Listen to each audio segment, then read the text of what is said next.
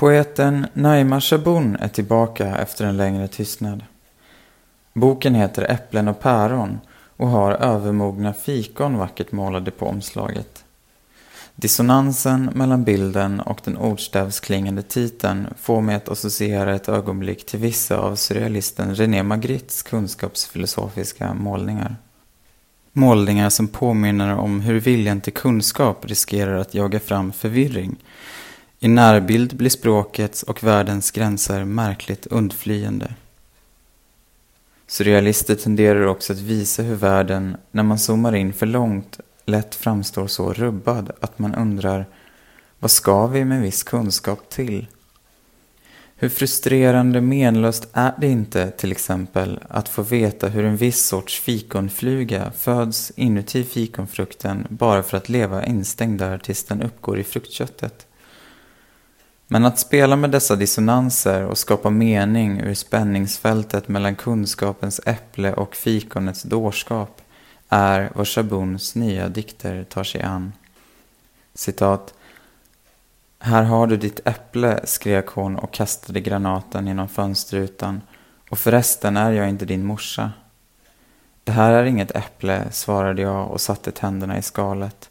Finns det överhuvudtaget någon anledning att tvivla utöver den att tvivlet är allt vetandes fundament på att den förbjudna frukt som Eva gav till Adam var ett fikon. Visste du att fikon äter getingar? Att fikonplantan är hermafrodit? Eller att fikonet, precis som äpplet, är en falsk frukt? Lägg till det fikonets mättade sötma och trådiga fruktkött, dess släta tyngd i din handflata som ett urmjölkat bröst, eller en åsnehingsts pungkula vad kallar du det om inte kunskap? Du glömmer två saker, sa hon med ansiktet dolt bakom gardinen. Du är naken och du är naken. Slutcitat. Äpplen och päron är en diktsamling i sex avsnitt. Två av dem, betitlade Tal och problem, har en prosaliknande form men i övrigt varieras dikternas form blott i detaljer. I ett kapitel är dikterna numrerade, i ett annat tio rader långa och i ett tredje har alla dikter titlar. Tilltalet skiftar desto mer. I avsnittet Äpplen och päron, varur dikten ovan är hämtad, ges smarta mendeleriska lekar med metaforer, symboler och ordstäv. I Ut ur historien är tonen mer sammanbiten. Citat. Om ett äpple faller, faller ett system av slumpmässiga sammanträffanden. Min sårbarhet har inga gränser. Allt du ser här är en fantasi.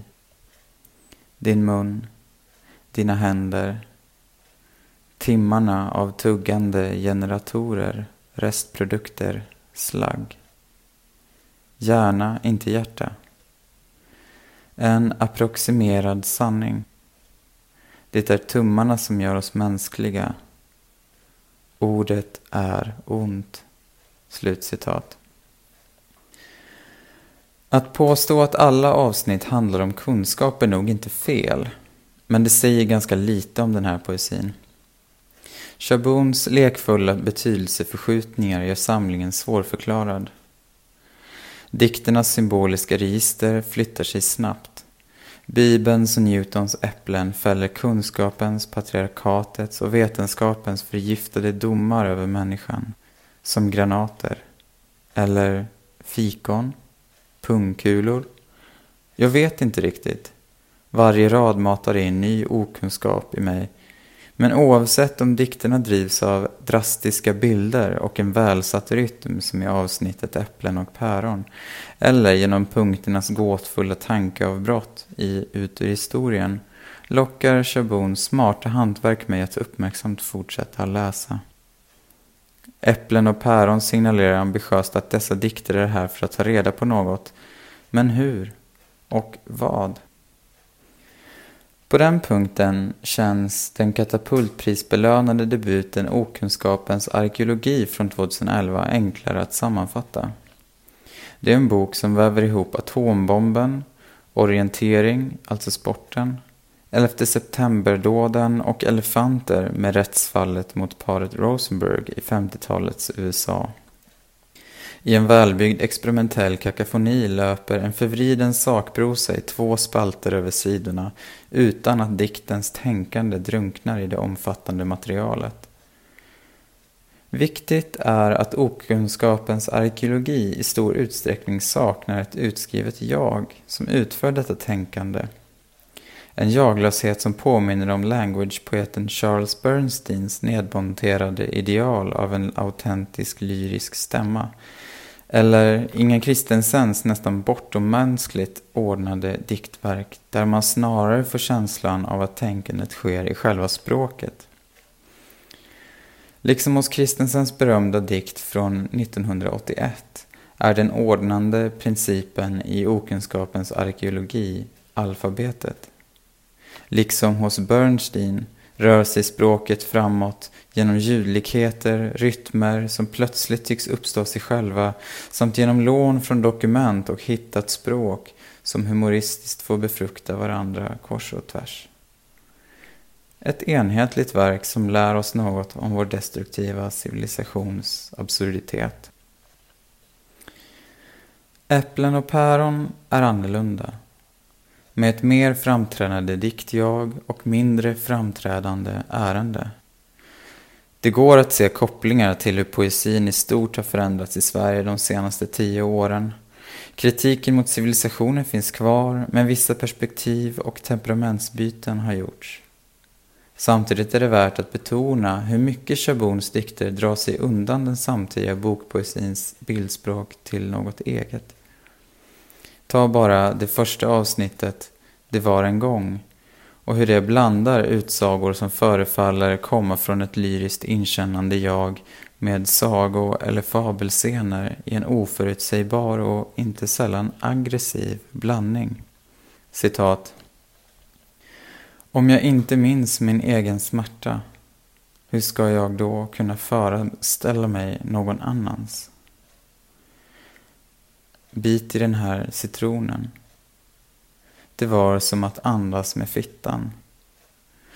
Jag särade låren och kultingarna föll rakt ner i vargens skap. Slutcitat. Eller hur hon blandar en konventionell utsaga om kunskap med ett desto mer okonventionellt föremål för kunskap. Citat. Viss kunskap lever man bättre utan, som kunskapen om hur trollungar spricker i solsken. Slutcitat. Återkommer gör smärtsamma konnotationer till våld och familjebildande, kultingar, trollungar. Kanske först tanken till aborter, kanske till övergrepp. Men kasten mellan symbol och klarspråk gör det svårt att veta, citat, det här äpplet är fullt av mask. Jag menar skam, slutcitat. Vissa signalord för en feministisk diskurs dyker upp i rader som citat Kriget bröt ut till följd av ett äpple. The male gaze klickar världen i brand. Slutcitat. Eller citat Hon som talar så vackert om systerskap och respekt. Slutcitat. När hon, i samma dikt, både omtalas som en varg man ska akta sig för och som din spegelbild blir dock den läsare som vill avkoda ett rakt meddelande åter överlistad. I okunskapens arkeologi finns en passage om djurparker som bombas under andra världskriget med följden av att djuren rusar runt och har ihjäl varandra. I sin kontext har passagen snarast funktionen att påvisa krigets surrealism men om jag gör en annan metafor av bilden blir det nästan en poetik. Neymar Shaboon riktar ljuset mot de figurationer i språket och kulturella medvetanden som är som mest domesticerade, så tama att poeter sällan vill ta i dem. Talesätt som ”du kan inte jämföra äpplen med päron” trängs med ramsor som äppel, peppel, sagor som Snövit eller Hans och Greta den på filosofikurser obligatoriska ankan-haren-illusionen med annat vetenskapligt fikonspråk. Sedan öppnar dikten burarna. Och ingen av dessa vanebildningar gör längre vad de ska, utan ger sig på varandra med en obehaglig och befriande känsla av anarki. Det finns flera poeter med liknande uppsåt.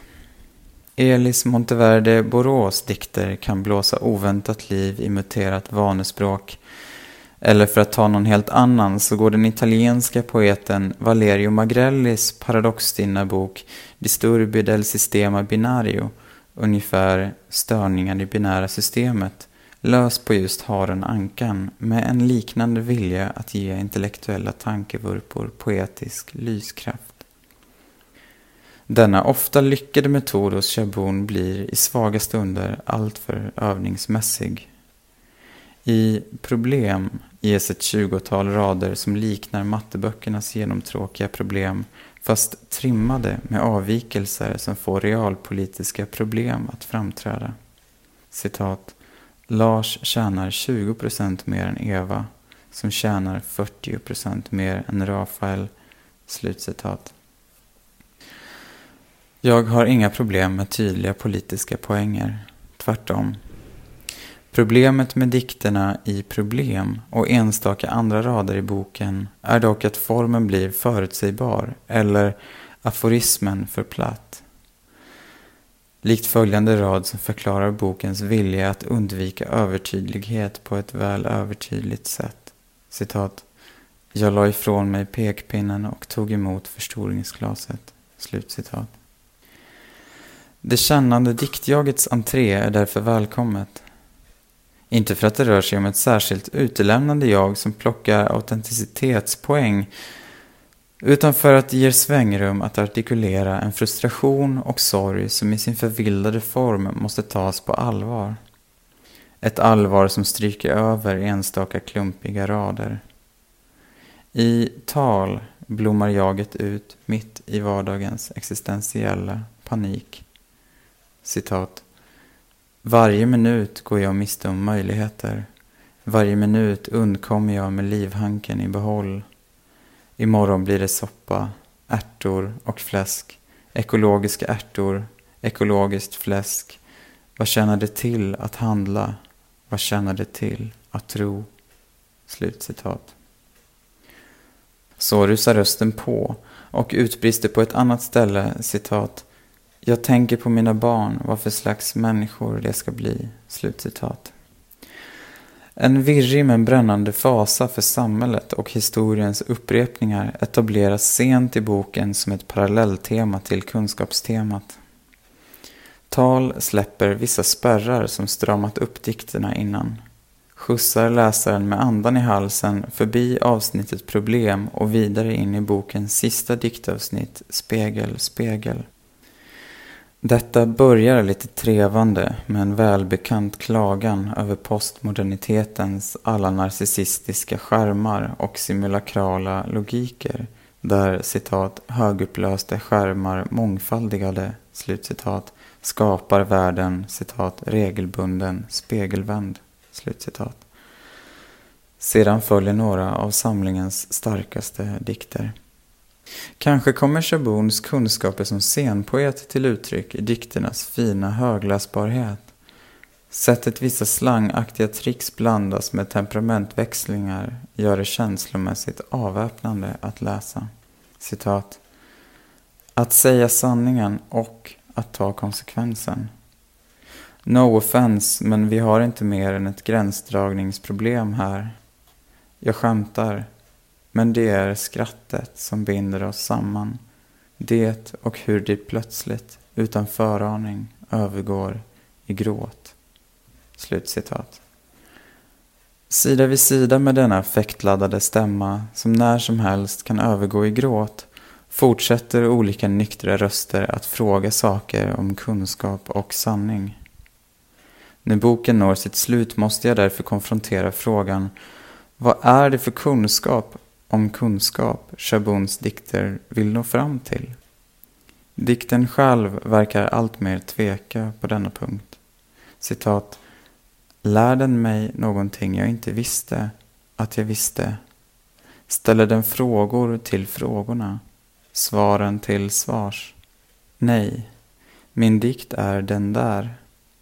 Den har en annan skrivit. Slutcitat. Kanske ska detta svar läsas som att språket är en gemensam egendom där vi kan stirra hur mycket som helst på våra ord utan att åstadkomma exodus ur samhället och historien. Orden leder tillbaka till oss själva som samhällsvarelser, lika instängda där i som fikonsteken. Den dunkla men våldsamma smärtan i raderna om trollungar eller ekologiskt fläsk å ena sidan och tvivlet på diktens förmåga att nå en förlösande sanning och andra är som teman inte totalt avskilda från varandra. Men kopplingen är vag, som bara anas i små brännpunkter. Citat. Förstår jag eller förstör jag? Slutcitat. Frågorna om kunskapens mysterium påminner läsaren om att filosofi och vetenskap väntar någonstans utanför där de hotar att gå in i poesins rum och reda upp det där med kunskap och sanning. Men de gör aldrig det. Att de ändå planteras ut känns mest som för att låta poesin insistera på sin egen kunskapsform där våldsamma symboler och metaforer tänker i sina hopp mellan ord. För Chabon laddar sina skickligt tvinnade språkförvrängningar med affekt bortom det rationella där dikterna kan explodera i olika möjliga riktningar. Jag inser dock att kunskapsutsagornas åtstramande funktion ofta får mig att sålla bland dessa riktningar.